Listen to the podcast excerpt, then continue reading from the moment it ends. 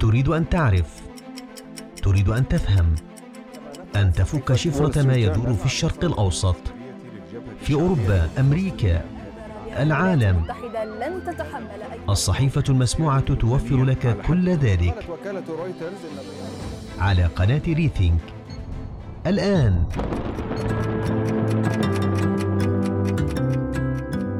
تحية لكم من الصحيفة المسموعة. معكم نوزا الصواش. في حلقة اليوم تستمعون إلى مجموعة من أفضل مقالات الرأي المنشورة في الصحافة العربية والعالمية والتي تساعدكم على فهم ما يدور في العالم من أحداث وتطورات بعمق ووضوح.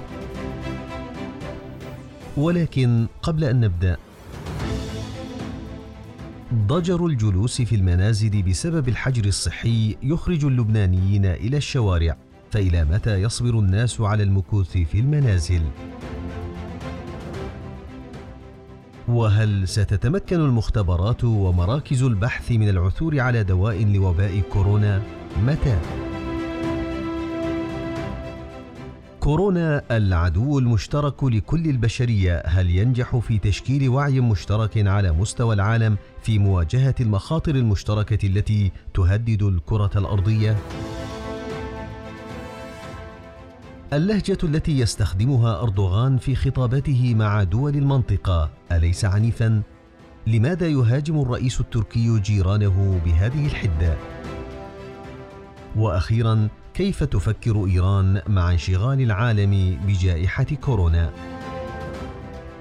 هذه وأمثالها من التساؤلات تجدون إجابات لها في المقالات التي سنقرأها عليكم اليوم فلنبدأ المشوار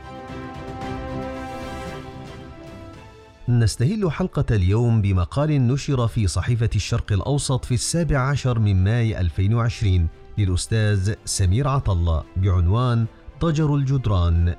فإليكم ما جاء في المقال.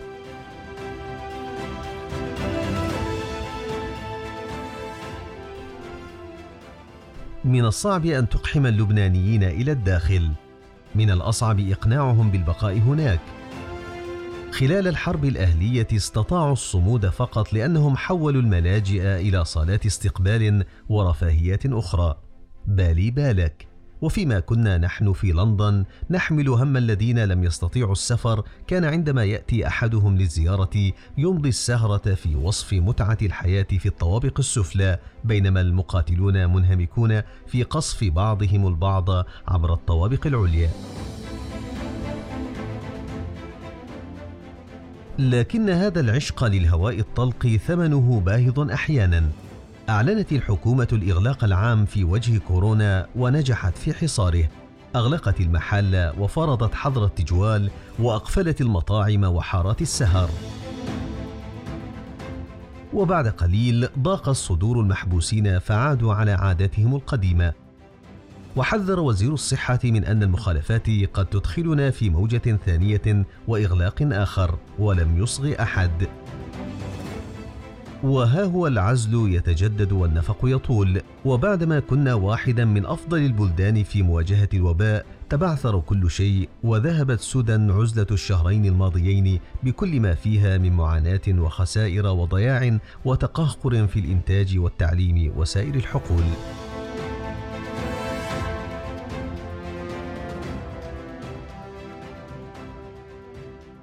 لكن الضجر ليس علة لبنانية ولا كره الانغلاق ولا التبرم بالاكتظاظ في الأماكن الصغيرة. معظم الضحايا في مصر في أحياء الصفيح والتمرد على الانغلاق، والناس تنام على أعتاب البيوت بسبب الحر داخلها. هكذا كان يفعل الفيتناميون عندما شاهدهم جابرييل غارسيا ماركيز بعد انتهاء حربهم المريعة رأى الملايين على دراجاتهم الهوائية تحت المطر يرتدون معاطف بلاستيكية فسأل صديقه الكاتب الفيتنامي ألا يشعرون بالبرد والتعب؟ فأجابه هذا الشعب يتصرف مع الإعصار كما كان يتصرف مع القصف الأمريكي. كان علينا إجبارهم على دخول المخابئ. أليس غريبا هذا الكائن البشري كيف يخرج من الملاجئ ايا كانت أسبابها إلى الحياة المعلق بها عندما كانت المدافع العمياء تقصف في بيروت كانت بعض الأماكن تسهر حتى الصبح وذات مرة دعاني صديق إلى عشاء مع سفير مصر يومها، وكان المكان محتشدا والموسيقى صاخبة والناس ترقص بين الطاولات. وسألني السفير ضاحكا: هل يمكن أن يحدث هذا المشهد إلا عندكم؟ ولو كنت قد قرأت يومها رحلة ماركيز لقلت له أجل في فيتنام.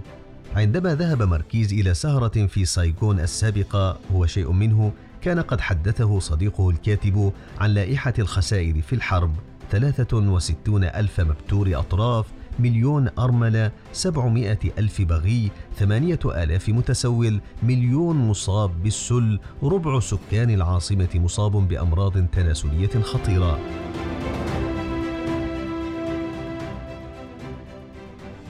تحمل الحرب الفقر والفقر يتكفل بما تبقى. ينحل كل شيء وتذوي الكرامات والأعراف والتقاليد وتهوي جدران البيوت المعنوية والأخلاقية.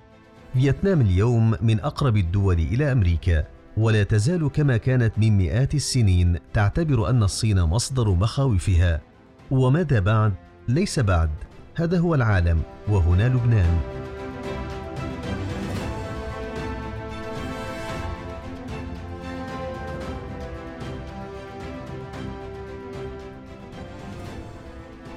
تستمر الصحيفة المسموعة بمقال من صحيفة العرب اللندنية نشر في 5 ماي 2020 للأستاذ علي الصراف بعنوان علاج لوباء في عالم مريض.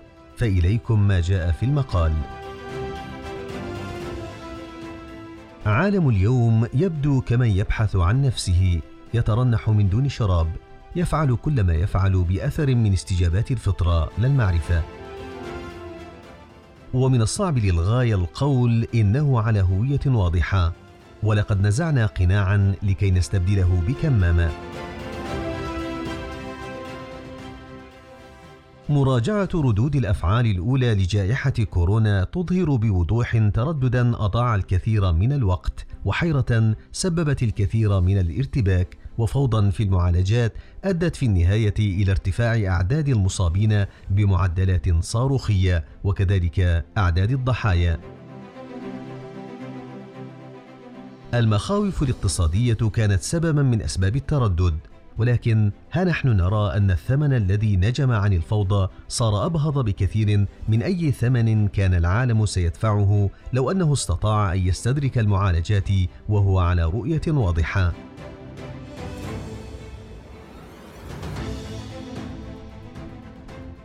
في البدء كان هناك مقدار من آليات التتبع لملاحقة الوباء ولكنها انتهت بالفشل حتى لم يعد بالإمكان ملاحقة الحالات. وصارت السلطات في مختلف أرجاء العالم تلزم السكان بالبقاء في منازلهم. الأمر الذي تسبب بشلل اقتصادي هائل وخسائر كبيرة وضيق اجتماعي ارتفعت معه معدلات الاكتئاب وأعمال العنف المنزلي والجوع وحالات الانتحار.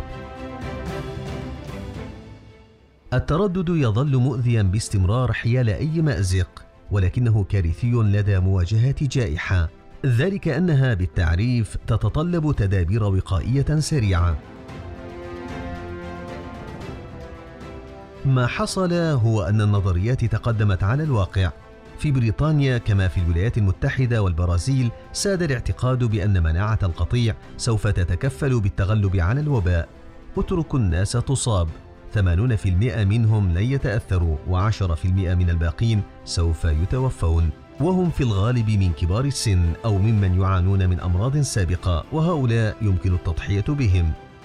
كان الثمن يبدو رخيصا فقط عندما صار الضحايا يتساقطون وصارت المقابر لا تتسع للجثث انكشفت النظرية على الواقع لتبدو كمجرد فضيحة لعلماء أقرب إلى كونهم كائنات فضائية منهم إلى البشر.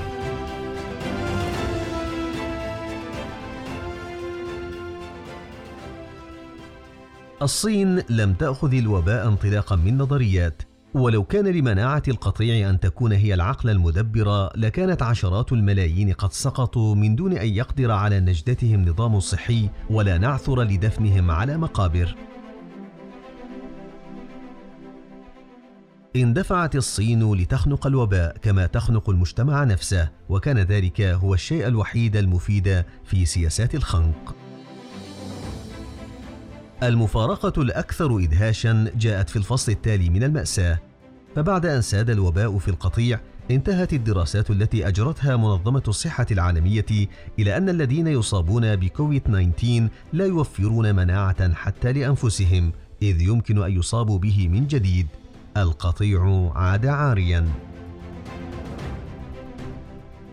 اكتشاف هذه الحقيقة كان هو اللحظة الأكثر مأساوية في كل هذه الأزمة. لقد قضى نحو ربع مليون ولكن تلك اللحظة قدمت وعدا مفزعا بأن ربع مليون آخر وآخر سوف يسقطون. الموت صار هو الذي يتوالد. الاعتماد على نظريات في مواجهة أي وباء شيء سخيف في الواقع. ليس بسبب كلفته العالية من أرواح البشر فحسب ولكن لأنه ليس دقيقا بالضرورة. النظريات شيء والواقع غالبا ما يكون شيئا آخر. لا يمكن أن تأخذ بأي نظرية إلا بحذر شديد وبدائل. إغلاق الحدود أثبت أنه إجراء حصيف ولكنه جاء متاخرا ووقف الطائرات كان ضروريا بما أنها بطبيعتها صناديق مغلقة. ولكن حماية الركاب والطواقم بتجهيزات وقائية تكفل عدم التفشي كان يمكن أن يجعلها تتواصل فلا ينقطع العالم عن بعضه سوى أن تلك التجهيزات ما تزال غير متوفرة حتى للذين يقفون على الخطوط الأمامية من أطباء وممرضين. البحث عن لقاح وعلاج للوباء بدأ بسرعة. ولكن ذلك لم يكن عملا مخلصا وغايته غير إنسانية. ما حصل هو أن مؤسسات البحث والمختبرات سارعت لتبحث كل بمفرده عن الكنز. لا يمكن أن تواجه أزمة إنسانية بدوافع غير إنسانية. هذا شيء بشع. العديد من الشركات أنزلت علاجات سابقة والكثير منها ما يزال في المراحل المختبرية الأولى من أجل أن تسابق الزمن لعلها تكسب الجائزة. وهناك بينها من وجد في الوباء فائدة عملية ليختبر مدخراته من العلاجات التجريبية لأنها كانت بحاجة إلى جائحة تطحن عددا كافيا من البشر لكي تمضي التجارب السريرية على نحو يسمح بالحصول على نتائج أدق. معايير من يجب أن يتلقى العلاج أو من يمكن أن يخضع للتجارب كانت فضيحة أخلاقية قائمة بذاتها. ما من مؤسسة خدمات صحية كشفت عن تلك المعايير وظلت قرارات الحياة والموت تتخذ في الصف الإداري من تلك المؤسسات. قيم الديمقراطية لم يعد لها مكان هناك. الأولويات في الرعاية تبدأ من الأصغر سنا لتنحسر بالتدريج إلى أن تبلغ الصفر، بينما الأولويات في التجارب والاختبارات تبدأ من الأكبر سنا. لهذا السبب تحولت دور رعاية المسنين إلى مقابر من الناحية العملية. هؤلاء البشر صاروا من لزوم ما لا يلزم وحياتهم أقل قيمة من كل ما كانوا يفعلون. نحن نقف الآن في قلب مأساة تطحن البشر من دون قيم ولا معايير أخلاقية وتقتصر في النظر إليهم على أنهم فئران حياة أو فئران تجارب. أكثر ما يحز في النفس اليوم ليس الذين خسرناهم من البشر فقط وإنما أيضا أولئك الملايين عشرات الملايين أو أكثر ممن كانوا يعملون على قوت يومهم فوجدوا أنفسهم بلا قوت. هذه مرارة إنسانية كبرى ولا أدري كيف يليق بباقي البشر السماح لها أن تستمر أو تتكرر. أولئك على أي حال ضحايا جائحة وضحايا ما بعد الجائحة أيضا.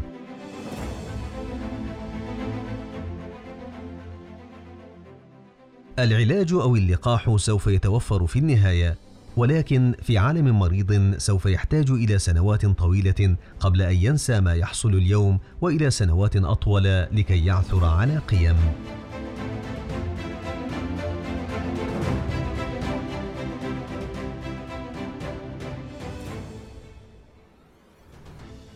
نواصل حلقة اليوم بمقال نشر في صحيفة الاتحاد الإماراتية في السابع عشر من ماي 2020 للكاتب إيميل أمين بعنوان تغيير العالم وإشكالية الدوائر الحضارية.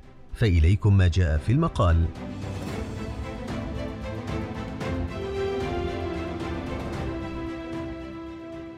تعرض عالمنا لعدة تغييرات جذرية في مئة عام الأخيرة. وفي نهاية الحرب العالمية الثانية طفت على السطح رؤية دول الحلفاء المنتصرين في مواجهة دول المحور. وبعد نهاية الحرب الباردة بدا ظاهريا انفراد الولايات المتحدة بالقطبية الدولية في عالم عرف الثنائية من قبل طويلا.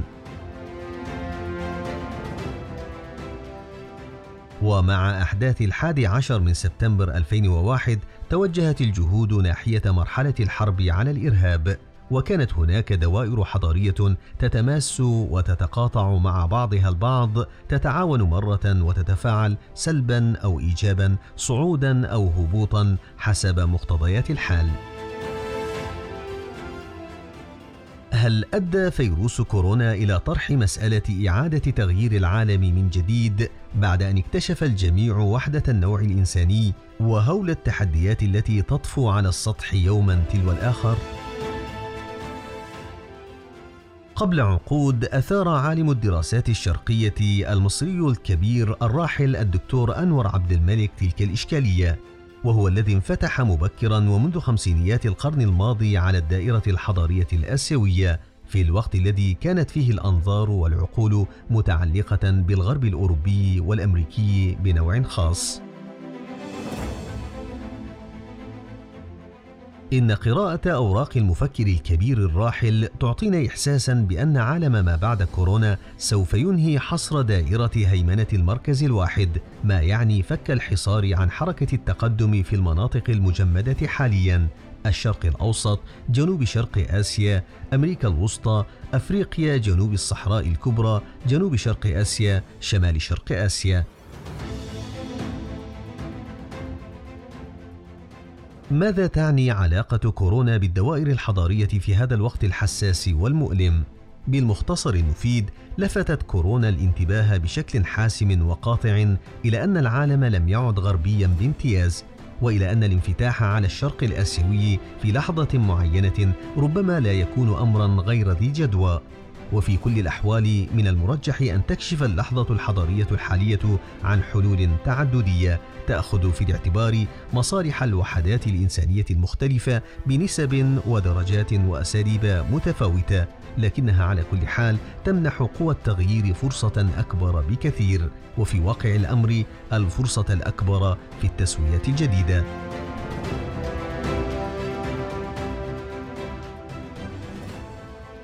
هل يتم تغيير العالم عبر المواجهات العسكرية فقط؟ أغلب الظن أنه في أوقاتنا المعاصرة هناك أدوات مختلفة لتغيير العالم في مقدمتها تعددية الأنظمة الاقتصادية وتنوع السياقات الفكرية إذ لم يعد الاحتكار هو سيد الموقف بل إعادة التوزيع بعدالة فلا مكان للمعادلة الصفرية على أي صعيد من أصعدة التراتبية الدولية. لقد أنهت كورونا فكرة صراع الحضارات لهانتينغتون بعد أن مد الواحد يده للآخر مسلم مسيحي يهودي بوذي كونفوشيوسي سيخي. كما يبدو فوكوياما معتذرا عن قوله بنهاية التاريخ. إن صياغة مشروع حضاري إنساني تقدمه الدوائر الحضارية والجيوثقافية التكوينية الكبيرة هو الحل. مشروع يعيد إلى الإنسانية ليس الأمل الأكيد في استمرارها فحسب وإنما يمدها كذلك بأنماط جديدة خلاقة إيجابية من التعامل الإنساني والحياة الهادفة والتقدم الروحي والمادي المتزن غير المدمر.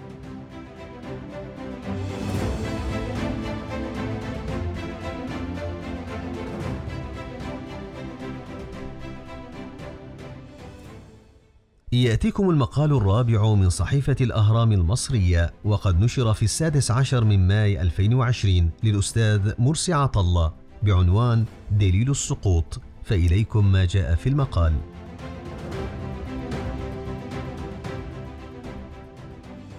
من غير مناسبة وقف أردوغان قبل أيام ليشتم قائمة طويلة ممن أسماهم بأعداء تركيا. وضمنهم دول الخليج العربي ومصر إلى جانب اللوبي الأرميني واللوبي اليوناني واللوبي الكردي إلى آخره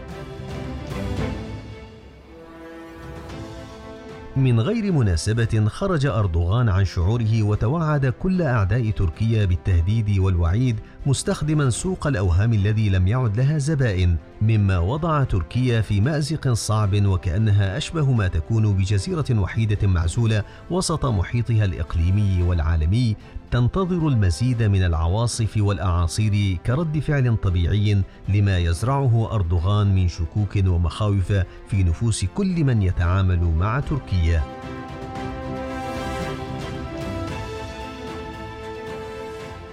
إن تصريحات أردوغان الأخيرة عنوان واضح وفاضح لأحاسيس القلق والفزع عند أردوغان. بعد أن بدأ يدرك أن غالبية دول العالم وبالذات دول أوروبا ودول الخليج العربي انتهجت سياسة الإهمال لتركيا لتجعلها تشعر بأن عنادها وحماقتها لن تجيء في نهاية الأمر على أحد غيرها. ولا شك أن مجمل التطورات الإقليمية والدولية في السنوات الأخيرة تتناقض تماما مع سياسات أردوغان المتهورة والتي بدأت تثير نذرا مقلقة وغير مريحة لتركيا التي تستشعر الآن بوادر عزلة جغرافية ومعنوية واقتصادية فوق قدرتها وفوق طاقتها.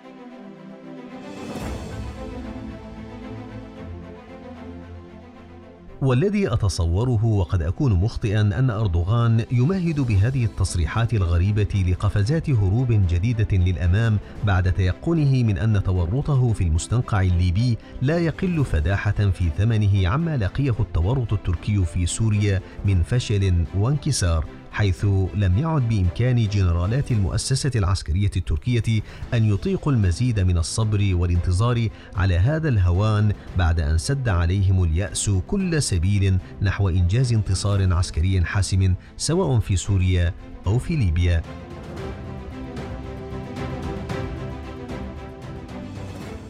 لقد كان أردوغان يحلم بأن يعوض هزائم تركيا في الأزمة السورية بانتصار فوق الرمال الليبية ولكن الرهان سقط وانكسر والأدق أنه على وشك السقوط.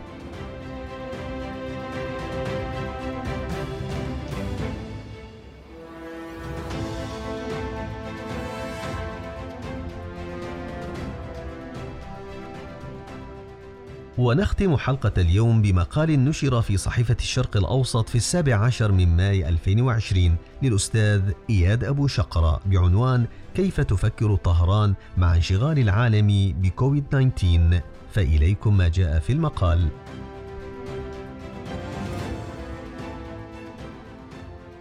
إذا كان الركون إلى تقارير المراصدين والإعلاميين التي تلاحق آخر مستجدات جائحة كوفيد 19 فإن الاتجاه العام في أوروبا الغربية والولايات المتحدة وبعض دول الشرق الأقصى يتجه إلى الرفع التدريجي للإغلاق والقيود المفروضة على التنقل والأسواق وأماكن التجمع.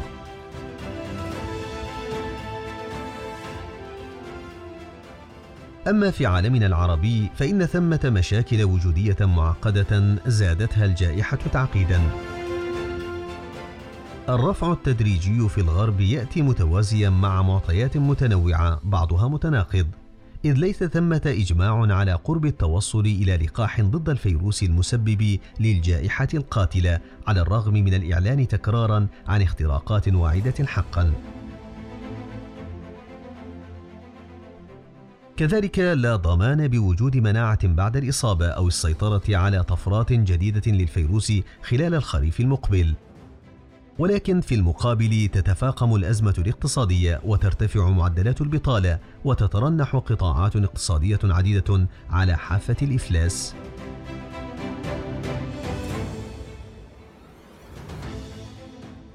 أيضا يلم بكثيرين ضيق نفسي من الحجر المنزلي الإلزامي وتعطيل الدراسة وتأثر الخدمات الطبية المعتادة بحالة الطوارئ التي فرضتها الجائحة على العالم.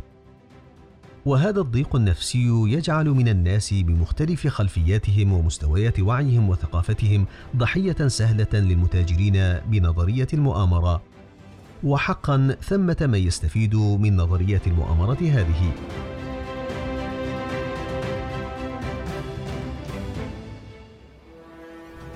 وبالنتيجة بين القلق من تأخر العلاج والتشكيك في العلماء والمعطيات العلمية وبين التأثر بالدعايات السياسية المتصلة بهذه الغاية الاقتصادية أو تلك تطور عند كثيرين شعور بالتسليم وليكن ما يكون.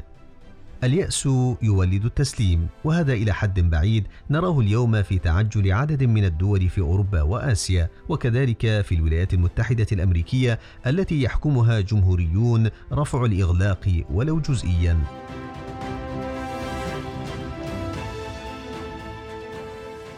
أما في المنطقة العربية التي تعاني ويتوقع أن تزداد معاناتها خلال الأشهر المقبلة فإن دولها المأزومة كالعراق وسوريا واليمن ولبنان تفاقم أزماتها خلفيات النزاع السياسي وتداعيات مشروع الهيمنة الإيراني.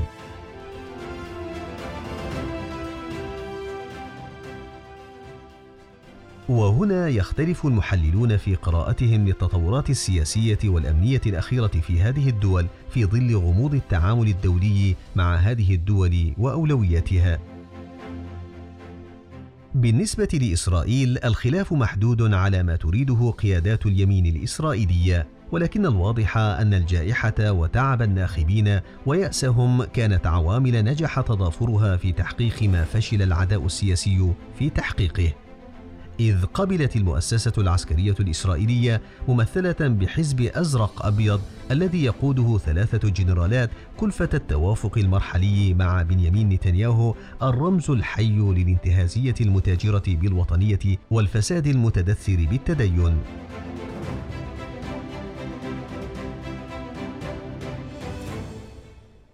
ولكن في سنة انتخابية أمريكية وبعد دعم جمهوري لا محدود لنتنياهو هناك من يرى أن واشنطن تفضل مرحليا على الأقل تأجيل مشاريع الضم التي يطبخها اليمين الإسرائيلي بسرعة بينما العالم منشغل بجائحته والعرب قلقون بين فكي كماشة الهيمنة الإيرانية والطموح التركي.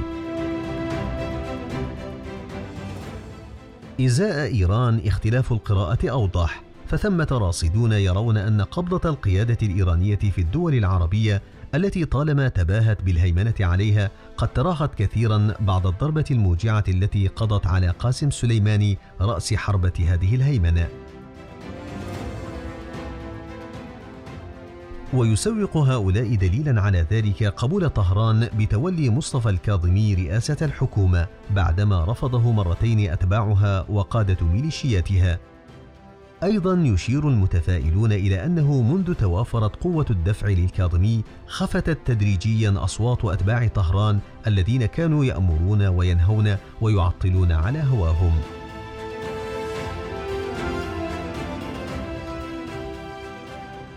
في المقابل يعتقد الأكثر تشييكا في نيات القيادة الإيرانية أن الخبرة مع التقية السياسية التي أجدتها طهران لعقود تقضي بالحذر مما يمكن أن تفعله هذه القيادة وأدواتها في العراق خلال الأشهر القليلة الفاصلة عن موعد الانتخابات الأمريكية في مطلع نوفمبر المقبل.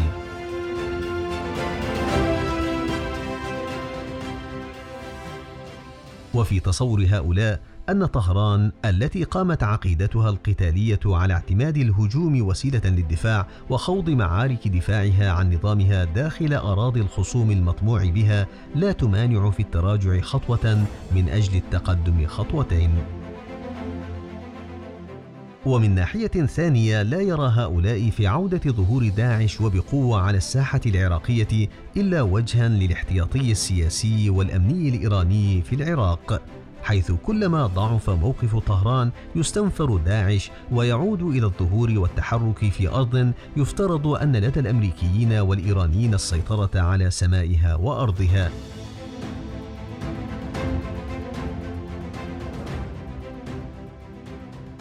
وحقا جاءت عودة عمليات داعش إلى شمال غربي العراق أخيرا بالتزامن مع توجه حكومة مصطفى الكاظمي إلى تعزيز الشراكة مع المجتمع الدولي. ولا سيما في أعقاب حصولها على الثقة ومباشرتها ممارسة دورها كحكومة في بلد ذي سيادة والتغلب على التحديات الصعبة وأبرزها المصاعب الاقتصادية بما فيها تجاوز العجز المالي الذي تعانيه الخزينة العراقية ونقص السيولة المالية العامة.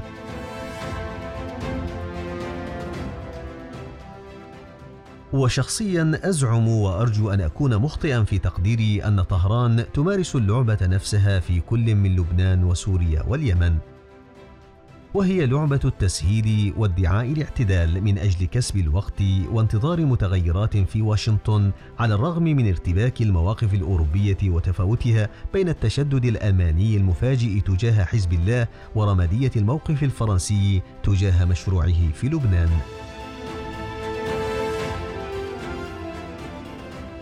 باعتقادي أنه على الرغم من أن إيران قد لا تستعيد نفوذها السابق داخل واشنطن حتى إذا فاز الديمقراطيون بانتخابات نوفمبر فإنها ستتمتع بهامش حركة أكبر مما لديها في ظل نزق دونالد ترامب وابتزاز داعميه من مناصر اليمينيين الإنجيلي والليكودي.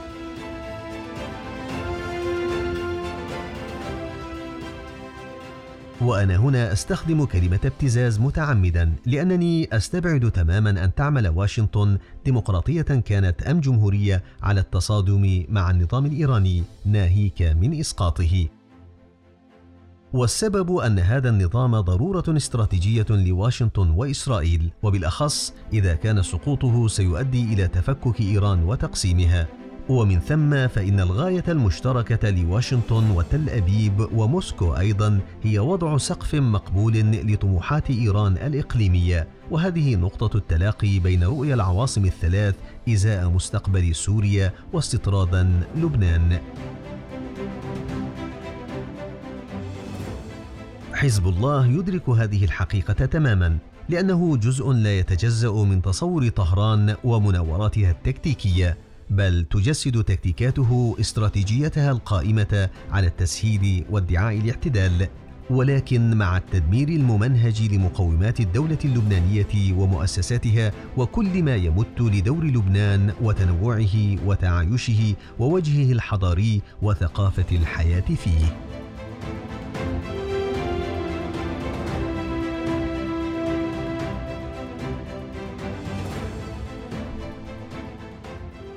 وبهذا المقال نكون قد وصلنا إلى ختام حلقة اليوم من الصحيفة المسموعة.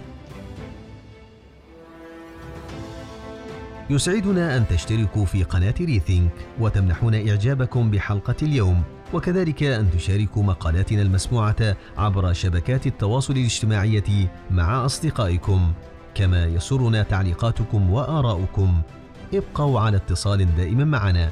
ابقوا بأمان. إلى اللقاء.